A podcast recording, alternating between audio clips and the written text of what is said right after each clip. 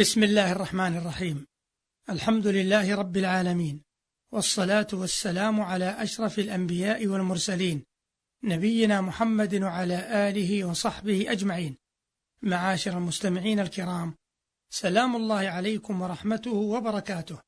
أما بعد فإن الحديث في هذه الحلقة سيدور حول مخارج الحروف العربية وعيوب المنطق العربي.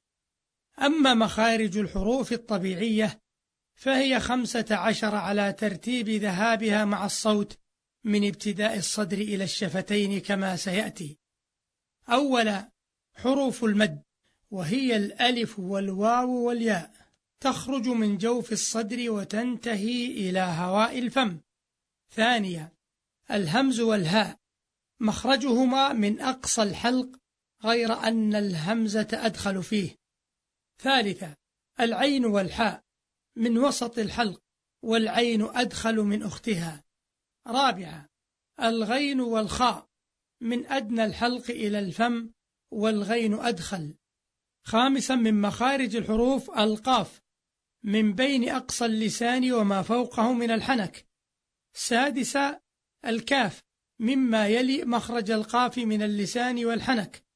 سابعا الجيم والشين والياء من بين وسط اللسان وما فوقه من الحنك غير أن الجيم أدخل والياء أخرج. ثامنا الضاد من بين جانب اللسان من أقصاه إلى قرب رأسه وبين ما يقابل ذلك من الأضراس العليا فتستغرق أكثر حافة اللسان. تاسعة اللام من بين جانب اللسان حيث ينتهي مخرج الصاد إلى منتهى طرفه وبين ما يقابل ذلك من الحنك الأعلى فوق الأسنان فالضاد واللام يتوزعان حافة اللسان. عاشرة الراء والنون من بين طرف اللسان إلى رأسه وبين لثة الثنيتين العلويتين غير أن الراء أدخل في ظهر اللسان قليلا. حادي عشر من مخارج الحروف الطاء والدال والتاء من بين طرف اللسان وبين أصول الثنايا العليا مصعدا إلى الحنك غير أن الطاء أدخل والتاء أخرج. الثاني عشر الصاد والسين والزاي من بين رأس اللسان والثنايا من غير أن يتصل بها الحرف وإنما يحاذيها ويسامتها غير أن الصاد أدخل والزاي أخرج. الثالث عشر الضاء والذال والثاء من بين طرف اللسان وأطراف الثنايا العليا غير أن الضاء أدخل والثاء أخرج. الرابع عشر الفاء من بين الشفة السفلى وأطراف الثنايا العليا. الخامس عشر الباء والميم والواو من بين الشفتين منطبقتين للباء والميم ومنفتحتين للواو. غير أن الباء أدخل والواو أخرج. فهذه معاشر المستمعين الكرام مخارج الحروف. أما عيوب المنطق العربي فهذا ذكر لبعضها مما قرره العلماء. أولا التمتمة ويقال لصاحبها التمتام وذلك إذا تعتع في التاء فإذا تردد في الفاء فتلك الفأفأة وهي الثانية. والفأفأة وصاحبها يسمى الفأفاء. ثالثة العقلة وهي التواء اللسان عند الكلام. رابعا الحبسة وهي تعذر النطق ولم يبلغ المتكلم حد الفأفاء ولا التمتام. ويقال إنها تعرض في أول الكلام فإذا مر فيه انقطعت. خامسا من عيوب المنطق العربي اللفف. وهو إدخال بعض الكلام في بعض. سادسا الرته وهو إيصال بعض الكلام ببعض دون إفادة. سابعا الغمغمة وهو أن يسمع الصوت ولا يبين لك تقطيع الحروف ولا تفهم معناه.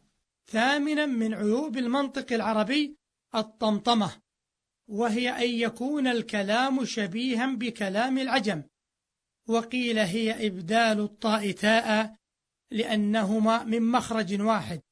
نحو السلطان في السلطان تاسعا من عيوب المنطق العربي اللكنة وهي إدخال بعض حروف العجم في بعض حروف العرب ومنها قولهم فلان يرتضخ لكنة فارسية وعدوا منها إبدال الهاء حاء وإبدال العين همزة.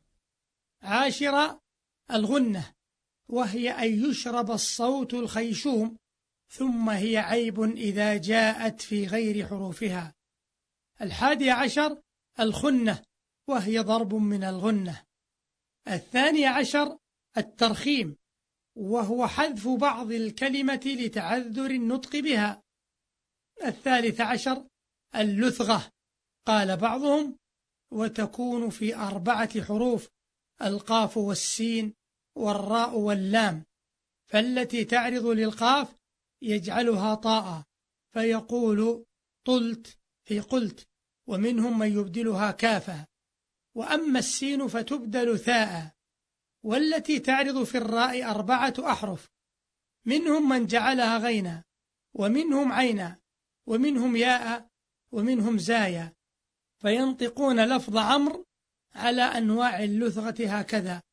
عمغ وعمع وعمي وعمز.